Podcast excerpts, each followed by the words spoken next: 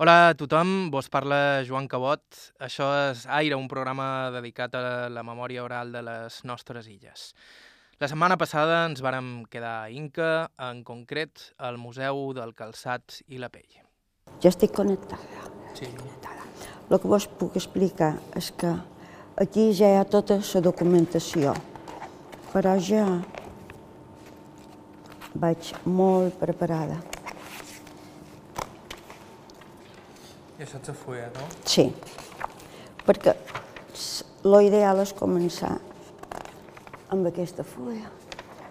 Aquesta és Magdalena Prats. Ella és filla de Miquel Prats Garcia, que va ser un dels dissenyadors de sabates més importants d'Inca del seu temps. Desgraciadament, Miquel Prats va morir jove, quan la Magdalena tenia només dos anys. Ella, però, ha trobat una manera peculiar per arribar a conèixer-lo els seus dissenys. I això era tot... Mira, això és una petita mostra. Això era... bueno, aquí queda Sí, molt ben explicat, explica. molt ben explicat, que sa mamà és que ha guardat tots els estudis del papà, perquè va morir als 33 anys d'accident i jo en tenia dos. Per lo tant, si sa mamà, jo dic mamà perquè de dos anys, mamà i papà, eh, no, si sa mamà no ho hagués guardat, no, no ho haguéssim pogut ara exposar aquí. Això era, ell estudiava a Sabadell, a l'Acadèmia Lincoln, i això, cada mensualitat, pues, presentaven tota la seva obra, i sempre tenia premis. Sempre guanyava. Sempre guanyava medalla, aquesta medalla, la copa, diplomes, i això és un dibuix seu. I d'aquests, Aquest dibuix, tot el quadre el va Sí, sí, sí, tot. tot sí. I en tinc un altre, que és la parella d'aquest, que ja he deixat que quan jo ja no existeixi, el duguin aquí. aquí. I després aquí també tinc el diploma, que també eh, el duran aquí. Ell, ell, ell va néixer aquí. Ell és casinquero, ell és de l'època d'en Fluixà, de Noguera, d'aquesta època. Tu imagina't, va néixer 1908, saps? I jo dos anyets, i...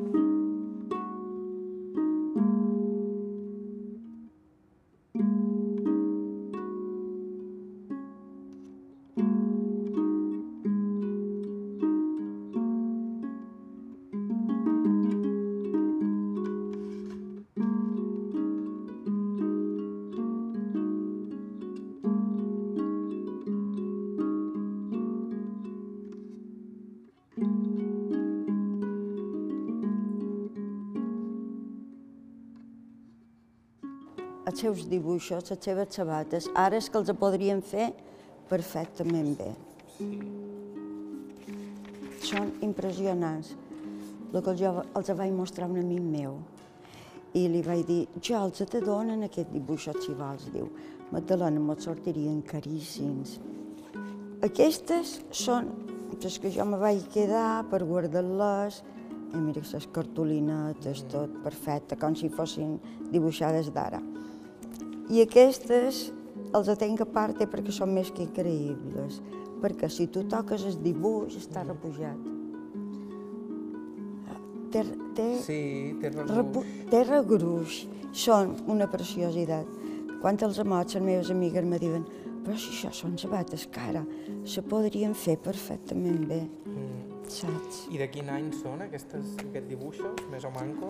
pues mira, ell va néixer en 1908 i, i va morir el 33.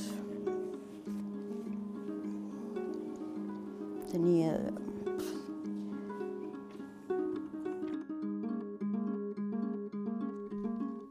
Avui a Aire coneixerem la història de Magdalena Prats i la història de son pare, la de Miquel Delgado, mosset de fàbrica i mil coses més, i de retruc la de la pell i el calçat a Inca Miquel Pieres. Començam. Magdalena Prats Planes, Inquera. Si la Magdalena i jo estem conversant és precisament per son pare. Ella gairebé no el va conèixer, però a través de les sabates que va dissenyar i tots els records conservats per sa mare, la Magdalena ha aconseguit reconstruir-ne la memòria. El que més greu me sap és que no, no l'hagi conegut, però el papà tota la vida va ser dibuixant i, i ell va comprar el que és la plaça dels Toros, va comprar cinc solars a prop per ja distribuir els seus dibuixos i tenir estrena a prop, perquè antes la gent no anava en cotxes, no era veritat. I, i d'allà pues, ho distribuïa per, per Palma i, i de Palma a la península i això. I a casa nostra tenia pues, el que més eh, m'ha quedat és que hi havia estaurells i va comprar aquests cinc solars per fer la fàbrica de sabates, però no hi va ser temps, pobret. Ell era modelista, ho feia tot. I va tenir que allà és la llibreta de la compra de la primera màquina de fer patrons. I hi guanyava moltíssim també en els patrons, perquè hi havia falta d'aquestes coses. Vull dir, ell morí eh, l'any 42, tot començava. Va començar dibuixant. Allà a la llibreta dels estudis, a l'acadèmia de, de Sabadell, que era una acadèmia Lincoln, és el nom, i, i estava a París. Aquí hi ha tenkers més importants, però quasi sempre, es, tots els, els estudiants que presentaven, quasi sempre ell era el qui guanyava el eh, sobre, sobre saliente, se diu, no? Miquel Prats va morir molt jove, amb una filla de només dos anys, na Magdalena, en qui avui estem conversant, i amb tota una vida d'èxits per davant. L'any 42, d'accident de bicicleta. Un accident de bicicleta on va ser? Ahir que mateix. Sí, la mamà sempre me conta que diu ell que feia, preparava el sopar, i diu, Francisca, que és la meva Francisca Planes Llompart, diu, me'n vaig a repartir els patrons, el que té a les ripuntadores, que Inca hi havia una quantitat enorme de dones que ripuntadores de sabates. Bueno, 300 fàbriques de sabates a Inca és important. I ja no va tornar. I va morir. No saben si és d'una embòlia o va tenir l'embòlia a través de la caiguda. No van saber. Va estar dos dies a l'hospital i la mamà me contava que deia vull veure la nina, vull veure la nina. I, i m'hi varen dur i va morir. Encara m'emociona. Sí.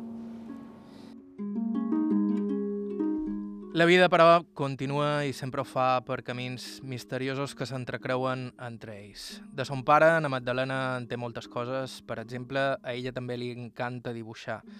De fet, me mostra uns punts de llibre que enguany ha regalat a les seves amigues realment impressionants. I malgrat no va conèixer son pare en vida, gairebé arrossegada pel destí, ella també va acabar fent feina en el món de la pell i les sabates, en concret a la fàbrica Ramis.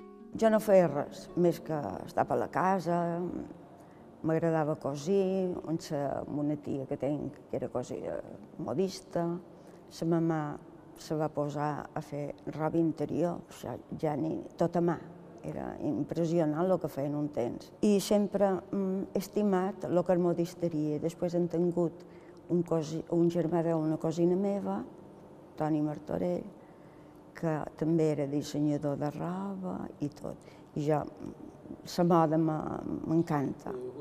Sí, sí, sí, sí. Vaig tenir una relació, el primer nòvio se pot dir, jo tenia 18 anys i en els 21 ens separàrem. O el, més ben dit, ell se va separar. I després una coneguda nostra feia feina a Can Ramis a l'oficina i me va dir, aquesta nina ha de començar a Can Ramis, perquè de vora vosaltres, sa mamà, la seva família, diu, l'únic que li donava és pena, el que necessita és un pot de diversió. I diu que Can Ramis s'ho passarà beníssim. I vaig començar en el 21 any a Can Ramis. Tu saps que és l'any 61 el boom del turisme. Aquells anys s'aturaven per un mínim de 20-30 autocars diaris. Qualque dia, deien, tot la Gran Via ja no n'hi caben més. perquè era impressionant. I vaig començar pues, a la tenda, tenien guants, aposta jo vaig dues guants. He duit tot el que tenia importància de Can Ramis en el principi, que eren els guants i eren pues, les corretges de rellotge. Jo, la meva, la més amiga meva era Ana Maria Terramis, que era la neboda, la filla d'un germà. Estrit de Don Toni, però el que passa que era d'aquestes persones que ranyen, però en el fons després venia a arreglar guants, a vora jo. Jo vaig començar la secció de guants, aposta els estim tant. Arribar, arreglar, mirar els guants que faltaven, que estava tot a casilles, un altre se dedicaven als bolsos, hi havia diferents seccions. Dependentes de, de la tenda turística, la millor eren sis o set, però quan venien els autocars cridaven la gent, el personal de fàbrica, lotes, i mos ajudaven. Els models de la fàbrica Ramis també tenen un lloc destacat en el Museu del Calçat i la Pell d'Inca.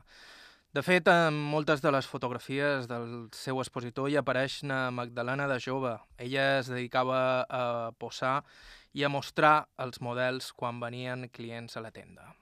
Mira, mira això estan fet a les coves de Campanet. Mm -hmm i són una passada, perquè ara els podrien dur aquests trajets. Sí. I això eren els guants que teníem a la tenda de Can Ramis. I com que en Ramis, d'Antoni, que això vull que facin història aquí, va començar fent corretges de rellotge. En Ramis va començar fent corretges, corretges de rellotge i va acabar a tenir una impèria. Tot aquests modelos jo els em feren perquè un encarregat el senyor Isern i, i d'Antoni i el fill en Paco, Ramis, també es van tenir que fer. Havien d'anar a París, um, que cada any feien la fira de París, de la pell, i varen dir a Magdalena, anirem a París i passarem els modelos. I l'hora d'anar-hi se va posar molt malaltet el seu nin que, que havien tingut. Varen haver de canviar els passatges, ara hi anam, ara no hi anam i el, el senyor Isern mos deia ja tornau a aquí a canviar el passatge.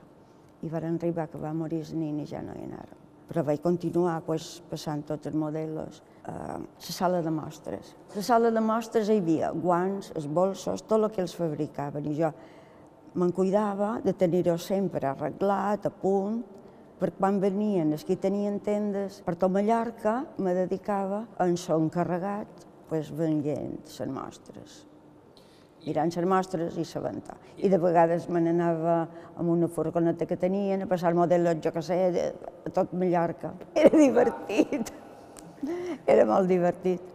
Hi havia el xofer, l'encarregat i jo. On duíem els vestits i aquí on anàvem molt era a Cal Rejada, coneixia jo mi món. Era la Mallorca del boom, una illa que bullia d'optimisme i oportunitats per l'arribada del client estranger, el que va propulsar moltes fàbriques inqueres i l'economia de la localitat. Nosaltres, d'Inca, anàvem en fill, don Paco, els diumenges a vendre perquè els, auto, els transatlàntics s'aturaven i, ven, i duen els clients en aquesta tenda. D'Antoni era el màxim, però un caràcter fort, però saps què passa? Que jo tinc un caràcter sabó molt, molt suau. Si s'enfadava després, jo deia, ara, ja veuràs, escat un rato venia a arreglar guants, ah, ah, està bé, està bé, això està bé. No el havien de fer enfadar, s'enfadava. La tenda estava fallida en la fàbrica, perquè la Gran Via ja va ser una reinauguració estupenda quan va comprar Can Melis però no, jo vaig començar l'any 61 a una fàbrica petita que tenia, que és quan venia la corretget de rellotge i tot això. I quan passàrem aquí, jo vaig estar a la caixa i seguia passant els modelos. I la caixa pareixia una trona. Sí, una trona, però mm, com quatre vegades les trones autèntiques de les iglesias. Era impressionant. I va ser uns anys fantàstics. Vaig anar a viure a Palma l'any 70. Però després també vaig estar tres anys a Dante. D'Antoni, el dueño, d'Antoni Ramis, me va dir, Magdalena, ara que te'n vas a Palma, trob que has d'anar a la nostra tenda, Dante, que està ferrat en l'Ajuntament. Estava aquesta tenda. I, i jo hi vaig estar tres anys. I jo me'n vaig anar després amb en Miquel a la tenda de Magaluf, fantàstica. I, i hi va estar un parell d'anys. I finalment l'Ajuntament de Palma ho va comprar i ara ha quedat tot Ajuntament, que hi vas per pagos i coses. Jo quan hi vaig encara m'emociono.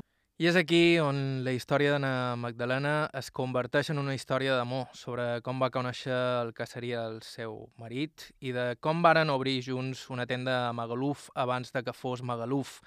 Com sempre, Anna Magdalena lligada a la moda. A Can Ramis. Va venir um, per mirar la col·lecció i era un client dels millors que teníem o que tenia Can Rami. I, i me va dir l'encarregat, diu, va entrar un client molt bo i li han de passar el model, o sigui, i me va veure i ja. Quan me'n vaig anar a la tenda que teníem amb Miquel i jo, era de lo millor de Mallorca. Ara, quan se'm parla de Magaluf, la pena és que m'arroga. Tu saps que era els anys 70, Magaluf, en l'hotel Melià que teníem a davant la tenda, que venien els turistes en trajes de nit, al vespre i me deien tria això i demà vendré a cercar-lo. Tot el Melià eren els apartaments propietat d'argentins, però amb una classe que era, era increïble. Jo només allà vaig conèixer gent estupenda, fantàstica. I quan ara veiem Magaluf és que me crema, me crema. Aquesta foto és molt important per jo. Fotos de la tenda en tenc milions, perquè nosaltres teníem uh, aquesta tenda que era una passada. Mira, l'he duit en aquesta perquè tenc les sabates que tenc exposades aquí, de lagarto i, i pell. Mira, els noms de, de lo que nosaltres teníem. Paco Rabanne, Pierre Garden, Pierre Balmain, Charles Jourdan, Lambert, Yves Saint Laurent, Gerard Danfré i Nina Rizzi. Ara, aquestes marques només els pot tenir una tenda exclusivament que vengui lo seu. Per nosaltres la tenda era tan exquisita de lo que teníem i per de dins que tenien totes les marques. Estau escoltant Aire a Ivetres Ràdio, aire arroba ivetresradio.com. Nosaltres fem una petita pausa, en uns segons escoltam la història de Miquel Pieres, que ens ajudarà a posar-li un poc de context a totes aquestes històries al voltant de la sabata que estem escoltant aquests dies. Serà d'aquí uns segonets, aquí a IB3 Ràdio.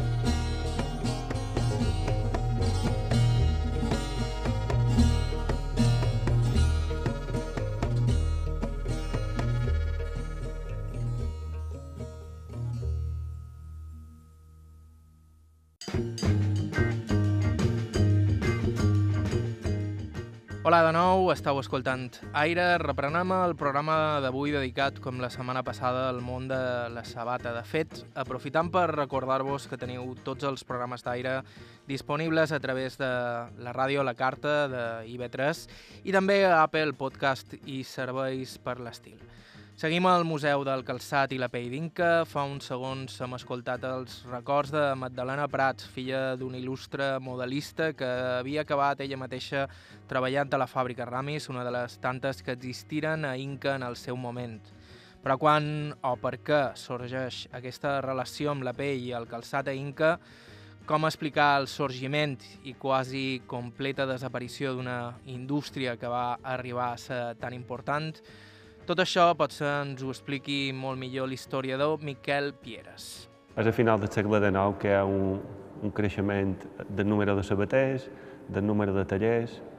Fins aleshores, la indústria del calçat era un, una artesania més que hi havia Inca.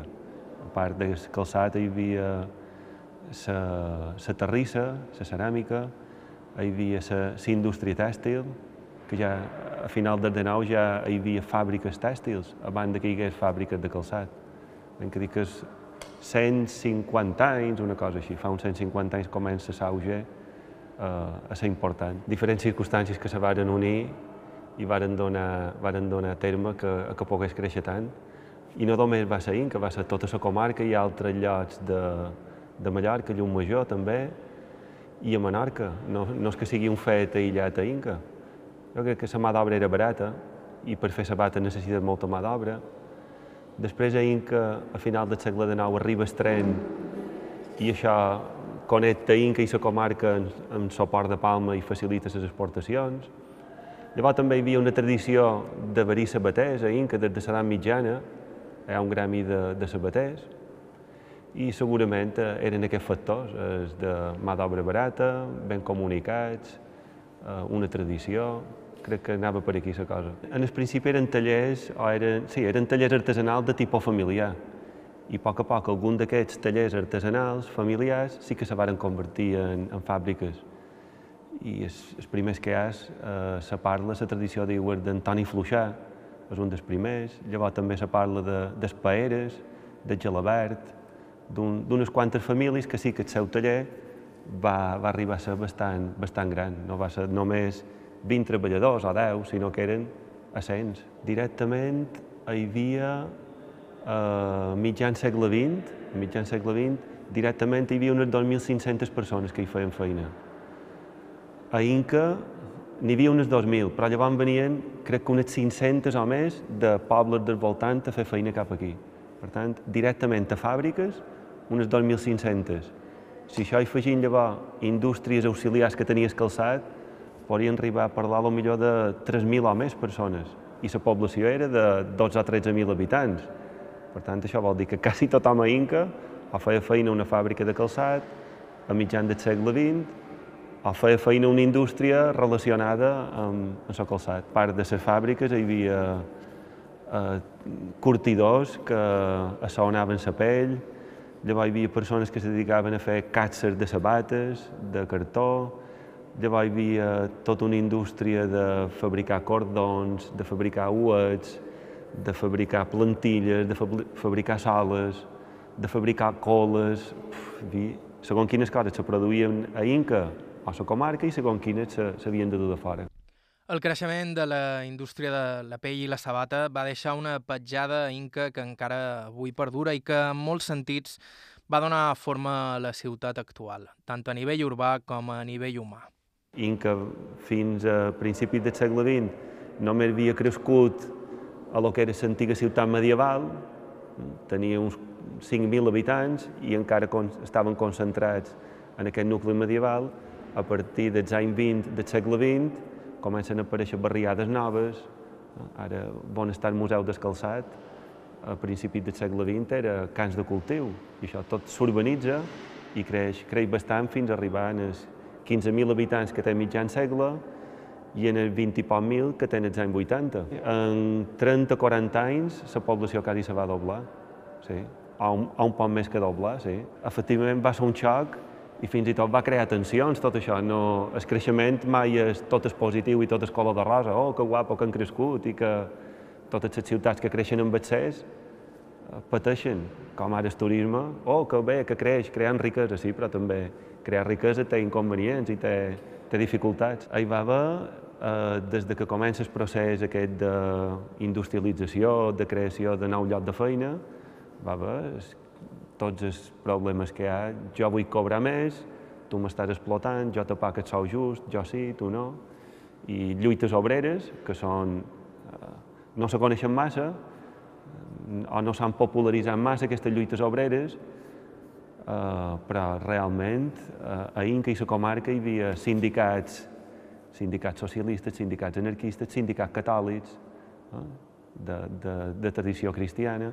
Hi havia un moviment obrer com te pot trobar qualsevol ciutat anglesa o catalana o de qualsevol lloc d'Europa. De, Aquestes contradiccions eren aquí a Inca. Davant del 36, a partir del 36, tot això, hi ha gent a Porreres que encara espera que la treguin d'allà i són antics lluitadors de, del, moviment, del moviment obrer que hi havia a Inca i ho varen pagar estant a Porreres a veure saber quina cuneta són. Una curiositat que m'explica en Miquel. La força del moviment obrer a Inca va ser una de les raons per les quals el govern espanyol va decidir construir l'actual quarter general Luque, precisament on es troba el Museu del Calçat. Aquest quarter que tenim aquí, veure que se va fer perquè Espanya va estar en guerra amb els Estats Units per la guerra de Cuba i varen dir, així com ens han pres Cuba, anem a conservar Mallorca també i anem a fer un bon corter, anem a defensar bé les illes, però un dels motius de per què se va fer és perquè també hi havia un moviment obrer que estava sortint que era necessari el manco tenir-li suït damunt. De fet, quan hi havia vagues a Inca, a Inca, als anys 20 i 30, hi va haver, no sé si centenars de vagues, però moltes vagues. I no hi anaven a dir-los, podeu tornar, per favor, cap a casa vostra i començar a fer feina, no. Enviaven l'exèrcit uh, a dir, eh, al·lots, com bé que no vau fer feina, eh? Ben que dir que no, no era qüestió de dir-los, per favor, aneu, aneu a fer feina, que ja, ja està bé, que fa una setmana que estàu en vaga. No, no, aneu a l'exèrcit, a la plaça, perquè hi ha un piquet d'anarquistes que vol, vol entrar a l'Ajuntament a, a dir-li quatre coses en el baula. I, i anava l'exèrcit a, a pacificar. Ho he posat entre cometes. I encara un fi il·lustre més de l'eclosió de la indústria sabatera inquera, el futbol. Sempre és el futbol. Al Constanci anaven a veure-lo la gent, als anys 30, 40 i 50, 3.000, 4.000 persones o 5.000.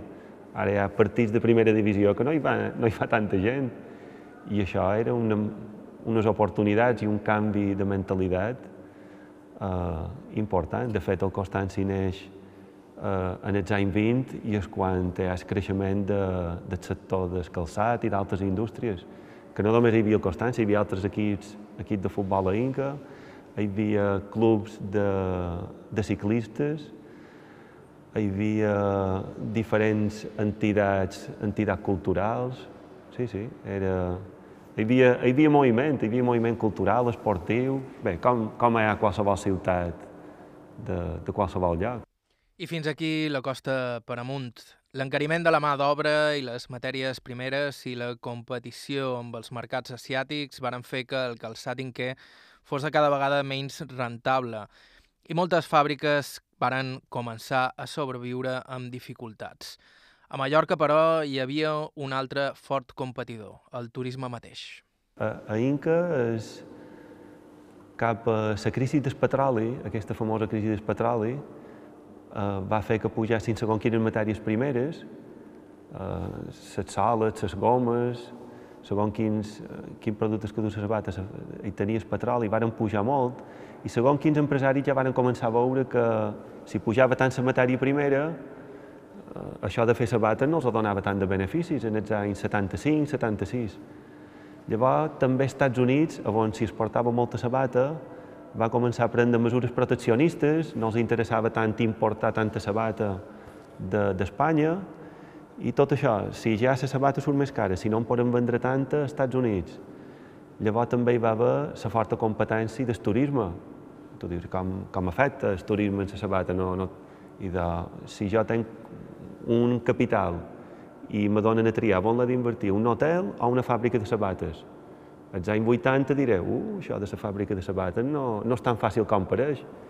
En canvi, si faig uns apartaments a la costa amb un milió de pessetes pot treure més rendibilitat que millor amb una fàbrica inca. Per tant, el capital cap a on se'n va? Té tendència a partir cap el sector turístic. Tenint en compte el pes que va tenir, seria fàcil caure, de fet, en el pessimisme i demanar-se com una indústria tan important es va deixar perdre. En tot cas, en Miquel Pieres aposta per una òptica més optimista. Més que plorar el que hem perdut, ell creu que hem d'aplaudir el que encara conservam les que sobreviuen, crec que els han de donar un, una medalla cada dia, perquè està fabricant sabates a una illa que tothom la coneix per turisme, o quasi tothom per turisme, sacrificar-se, anar a fires, cercar clients, eh, cercar gent que vulgui fer feina a la teva, a la teva fàbrica, eh, que, que necessit gent que vulgui estar una màquina de cosir o una màquina de no sé què, en aquesta gent els han de donar un, un premi gros, perquè estan competint en sabates que se fan a tot el món. Les sabates d'Inca o les sabates mallorquines o les menorquines estan competint en sabates que se fan a Itàlia, que se fan per tot el món i, i s'han d'esforçar.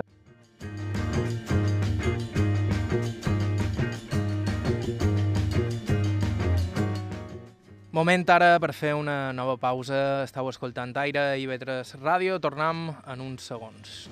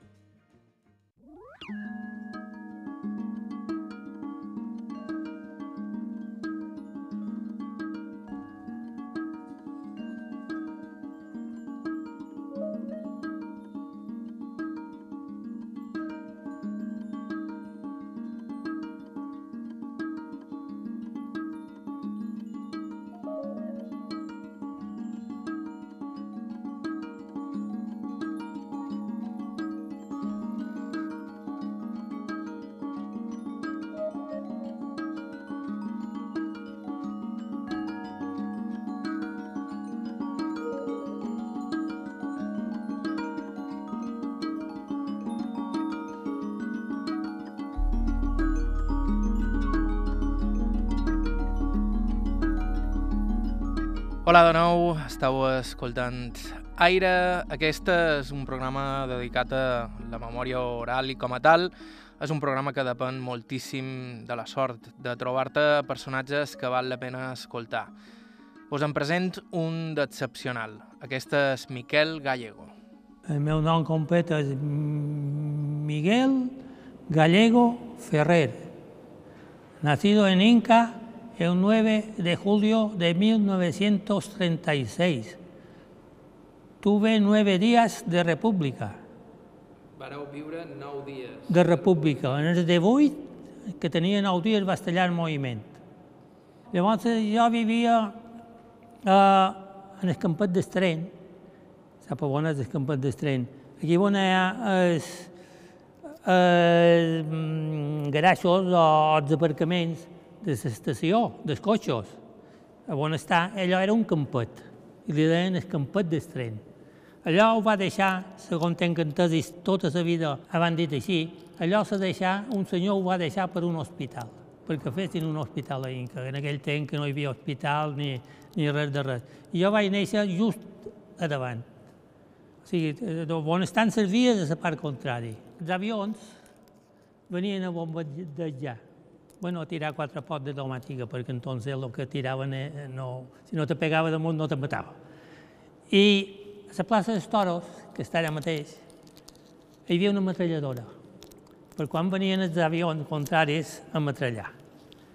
I entonces resultava que, degut a que els avions llavors venien a tirar bombes contra aquesta metralladora, me'n record que m'on vàrem haver d'anar al camp per evitar que s'equivocassin i, i, i 50 metres nosaltres vivíem. Jo vaig començar a fer feina en els 12 anys. No per gust, ni perquè no m'ha agradat l'escola, pues jo anava a escola, eh? a que no, hi havia necessitat, com a la majoria de cases de Mallorca, conseqüències de la guerra, perquè la guerra va durar 3 anys, però el problema de, de la guerra nostra va ser que llavors es va estallar la Segona Guerra Mundial. Pues degut a, a, a la necessitat, jo, sense dir res de que nostra, em vaig anar a una fàbrica i vaig demanar per, per fer En aquell temps agafaven tots els al lot del món, perquè com que els donaven una misèria, en l'endera tenia un com 50, cada que només fos per crenar o per enviar-los a comprar o el que fos. I no vaig tenir problema, ja pot començar demà. I a que nostra s'enteraren ja després. Com haureu pogut intuir pel seu cognom, Gallego, son pare de Miquel no era de les illes. De fet, va acabar Inca per un d'aquells regirons de la vida.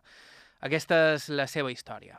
El meu pare era impressor. El meu pare era de Cartagena. Va, va néixer a Cartagena. Quan el meu pare tenia 10 anys, se li morí sa mare. I deixà el meu pare, un germà i una germana. El meu, el meu predí s'ha trobat tot sol, agafa els dos al·lots, sa, fia, sa nina la deixa amb una tia i se'n va cap a Barcelona. Agafa barco i cap a Barcelona. I en el barco coneix una al·lota. I amb aquesta al·lota se casa. Tenen més al·lots i això. Bueno, i el meu pare se dedica a impressor. Siguent impressor, una impremta d'Inca s'imprenta Vic, que hi havia entonces, va comprar una màquina plana per imprimir, que és una màquina enorme, que normalment això hi feien els diaris, les revistes i això. I, i, i la casa, s'imprenta aquí on feia feina el meu pare, que va saber on comprar en aquesta màquina, i digueren al meu pare, diu, vols anar a ensenyar 15 dies en aquesta gent i te pagarem el viatge i lo que, els gastos que haga, i vengué a Inca per ensenyar a manejar la màquina aquesta. Quan va acabar 15 dies, l'amo li va dir, vol quedar a fer feina en nosaltres. I en aquell entonces li oferia, no sé si una passeta més diària de sol. Ell va dir, bueno, quedaré un temps fins que me cansi, que estaré una temporadeta i llavors me tornaré cap a Barcelona. Va conèixer la meva mare i ja van fotut. Jo, eh, tota la vida, eh, la meva vida ha estat aquí. O sigui, la meva mare era de rebells, rebells, de, d'Inca, de, de, de fer nom, famílies que tenen eh, un arbre genealògic que diuen enorme. I, i bueno, i, i, i el meu pare quedar en aquesta impremta, casat. I d'aquesta impremta, en aquells entonces, que això també és història, l'impremta Vic s'ha dedicat a començar a fer la revista Brises. I la revista Brises l'imprimia el meu pare. Amb, amb aquesta màquina la imprimia el meu pare. I en certa ocasió contava que havia anat una persona eh, de Barcelona i aquí on tenien l'impremta era un local petit de, de, de res. I aquest senyor va entrar i va mirar, diu, jolines, diu, aquí a de on imprimeixen les brises. Però si això és una cabanya. Eh? O sigui, los famosos tiempos del pasado, que per ell diu cualquier tiempo pasado fue mejor naranja. Segons quin sí, però aquests, aquests no. Llavors se'n va anar Camp Duran, s'imprenta Duran, que, que coneguda perquè aquí hi ha el poeta Duran, Miguel Duran, que era el dueño d'aquesta imprenta. I, I jo, clar, me vaig eh, anar sense demanar ni això. Aquí on hi havia feina. Aquells entonces hi havia feina per tothom. La sabata venien de la península, vengués qui vengués, hi havia feina. Sol petit, però feina totes que volgués. De fet, jo en record que després de fer la jornada, el qui en sabia, perquè no tothom en sabia, però el qui en sabia, agafava un saquet, carregava sabates i cortes i les enduia que seva per fer feina que seva. En Miquel sap perfectament de què parla perquè precisament sa mare mateix feia aquesta mena de feines a casa seva. La meva mare, jo, des que tenc record, feia feina de sabatera i collia cortes de canostra. Els acodia, li, li donaven teat i li donaven tot a punt i ella acabava les corteques allò. I bueno, i viendo les necessitats de canostra, pues jo em vaig anar a fer feina a una fàbrica, a Can Joan Noguera. 12 anys vaig començar. Estava Plaça de la Libertat, saps quin és? Bueno, davallant el tren, davallant l'estació del tren, a mà dreta, hi ha el monument d'en Fuixà, davallant el tren, hi ha un monument. A mà dreta ha una plaça. Allà estava, a la part esquerra, era un carrer així, un carrer així, i encara tenia darrere. Era enorme la fàbrica, perquè era eh, sabates i curtits. Allà arribaven els pells, en fardos, però quasi vives. Sí, a manera que els mataven, els agafaven, els llevaven la pell, els deixaven en sal i l'enviaven cap allà. I aquí li llevaven la grassa, li llevaven tot el que duia i el convertien en pell. Vaig començar aquí, a Can Joan Noguera. Jo ja he dit que jo era un comodín, hasta per l'amo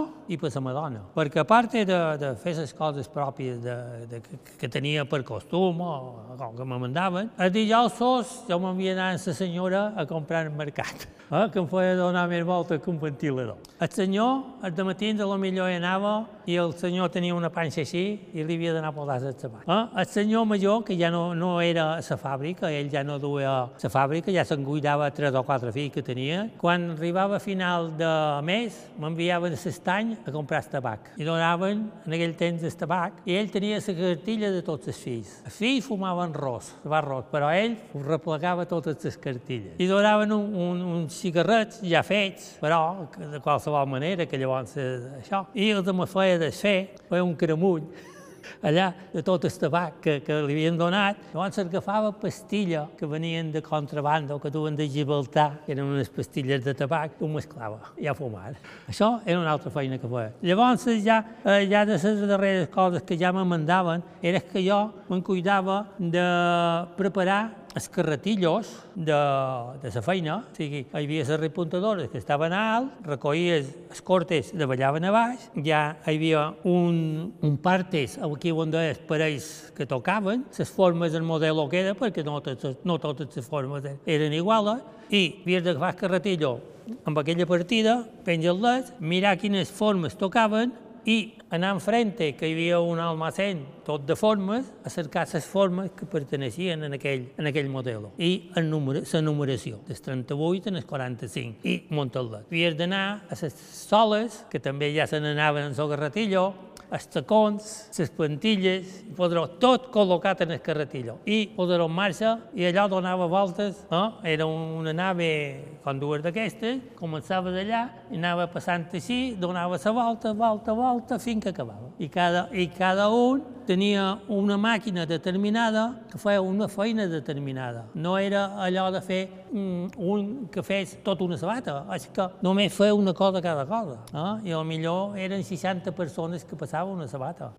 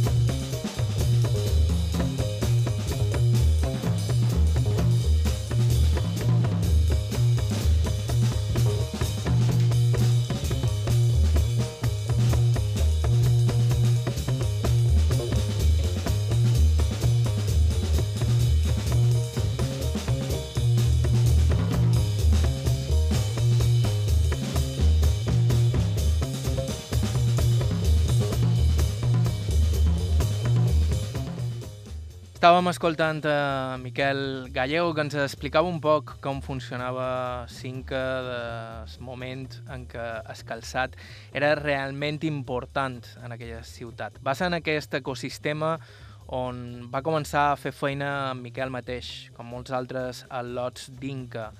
Hi havia feina per a tothom perquè els joves cobraven poc, així que en sobraven. Bueno, llavors hi havia una cosa. Vamos a veure, els lots, fins als 14 anys, no podia fer feina. Era, era d'això, però vaja, és igual, era libre. Com que els donaven poc jornal, el mateix era tenir un que 21, perquè a lo millor cobrava en proporció eh, a lo millor una dècima part de lo que cobrava un, un, un obrer. Tant, tant entengues, vull dir que no te podaven. I, I després, com que també hi havia feina, de la península venia molta gent, de la part de, de, de, Licant, Telde de tot aquest puesto, i se col·locaven el mateix dia que arribaven, perquè hi havia feina. Ara, hi havia el que hi havia i els jornals eren els, que, els jornals eren el que eren. A part d'anar a fer feina, el meu pare de vegades anava a Barcelona. I aquí a Inca, eh, la qüestió de llegir eh, revistes, eh, novel·les que hi havia en aquell temps, eh, cada dia a la llibreria no hi havia, no se venien novel·les i coses d'aquestes. Aquí que feia, el meu pare els duia de segona mà i els venia aquí. I llavors se col·leccionaven molts dels lots, els programes de les pel·lícules. Se canviaven els lots,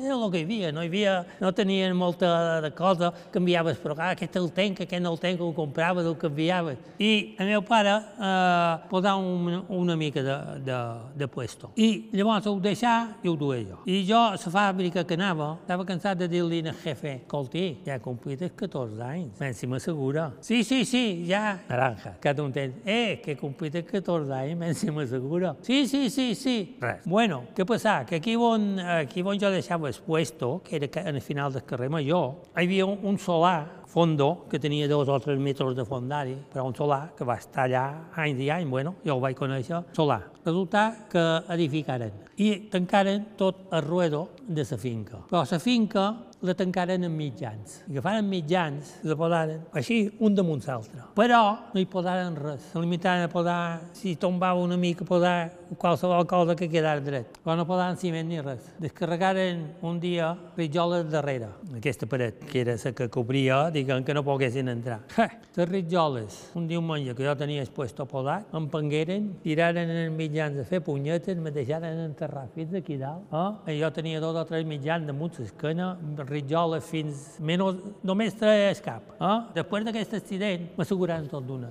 Ah, o sigui que, eh, vaya, vaya por Dios. I, i, i, les fàbriques anaven un poc d'aquesta manera, així, eh, bé, perquè eh, de vegades en quan no hi havia inspeccions, hi havia, el que, entonces, el que diuen és, és d'això verticals, els sindicats verticals. I no sé per quin terme, eh, avisaven diverses vegades en, el, en el sabater, eh, que hi ha els inspectors per aquí, o s'avisaven uns en els altres. En certes ocasions avisaren que venien els inspectors i no els va donar temps a dir-nos en els lots, eh, aneu a passejar, perquè és el que feien, eh, aneu bones, i se llevaven tots els lots de damunt, au, a passejar, pareixia que havien sortit de, de col·legi, en tant de lot pel carrer, perquè en tanta fàbrica com hi havia, perquè en què hi va arribar i pico de fàbrica, fàbriques, i grosses, eh, bastantes. Bueno, i una d'elles, com dic, que no va tenir temps d'avisar, ja tenien els inspectors a la porta. I la part de darrere del taller hi havia una paret, de, jo què sé, d'haver dos metres, i per allà ens feren saltar per sortir de la fàbrica. Jo duc aquí una curiositat d'aquesta fàbrica que, que estic parlant però perquè veia el jornal que cobrava. Això ho havies de presentar a una altra empresa quan te n'anaves. Però jo vaig treure l'altre dia per curiositat el compte i per fer un euro, el valor d'un euro, 40 dies de feina. 40 dies de feina. En Miquel va seguir tota la seva vida lligat a la pell i la sabata. De fet, encara avui treballa amb aquests materials, fent impossibles obres d'art a partir de bocins sobrants que ha anat acumulant al llarg dels anys. Ja vos ho hem dit, és tot un personatge. Jo vaig fer feina més o menys de 10 o 11 anys. Però vaja, jo no he estat deslligat mai de la feina, perquè quan vaig deixar això me vaig dedicar per meu compte a treure plantilles a les sabates. I això és una altra història. La sabata, que se feia entonces, que era gorgellar, que deia, que era la sabata acabada, tot, tot acabat, no pegat, la sabata llutzolada, que deien. La sabata llutzolada, la plantilla, agafaven una plantilla de sola i hi havia una màquina que així, voltant, la teava. Un, un, un, una coseta primeta, així, voltant, tot el que era la plantilla que havia d'anar a la sabata. Perquè això, llavors, amb una màquina, aquí, llutzolaven el corte en la plantilla. Què passa? Que això era la part fluixa de la plantilla. I clar, això eh, amb fil encerat que empleaven, li pegava d'estirar s'endua tota la plantilla. Entonces això ho forraven de lona. A una plantilla de lona, ho voltaven així i ja, com que era tela, la tela aguantava. Aquesta plantilla jo la teava, bé, no vaig ser jo que la vaig inventar, però va, jo vaig seguir, de roba de soldat. De roba d'aquí mateix, que sobrava, el que tu has posat, els colzons i això, llavors ho venien per pedaços. I això, jo d'haver 10 anys ho vaig emplear i teava plantilles, perquè jo ja havia teat plantilles precisament en aquest, en aquest això, que m'ha donat aquesta feina, en aquest patronista, que que seva, encara que fos patronista que seva, teava plantilles, perquè tampoc no guanyava.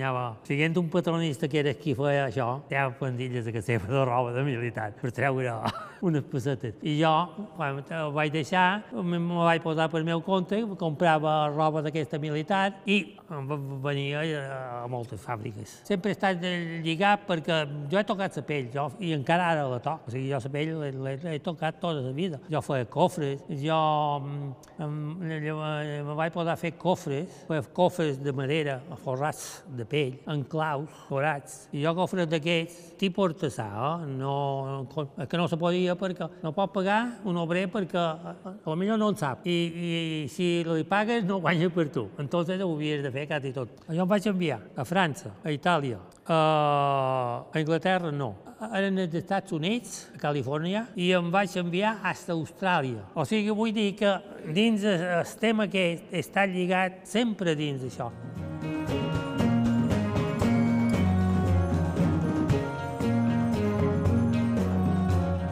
Miquel Gallego, tot un personatge i en aquest programa ens encanten els personatges. De fet, teniu a la vostra disposició el nostre correu electrònic per si ens voleu suggerir algú que penseu que ens pugui interessar entrevistar. aire arroba ivetresradio.com Nosaltres tancam aquí el programa d'avui. Gràcies a Miquel Pieres, Magdalena Prats i Miquel Gallego pel seu temps. Tornem la setmana que ve amb un nou programa. Ens podeu seguir a Facebook, Aire IB3, a Instagram, Aire barra baixa IB3 i ens podeu escoltar a Apple Podcast i a la ràdio a la carta de IB3. Us recordam que alguns dels materials d'aquest programa formen part dels fons, dels arxius del so i l'imatge dels Consells de Menorca, Eivissa i Formentera i de l'Arxiu Oral de Mallorca de la Fundació Mallorca Literària Consell de Mallorca. Alberto Guillén a la producció tècnica, vos ha parlat Joan Cabot, fins la setmana que ve.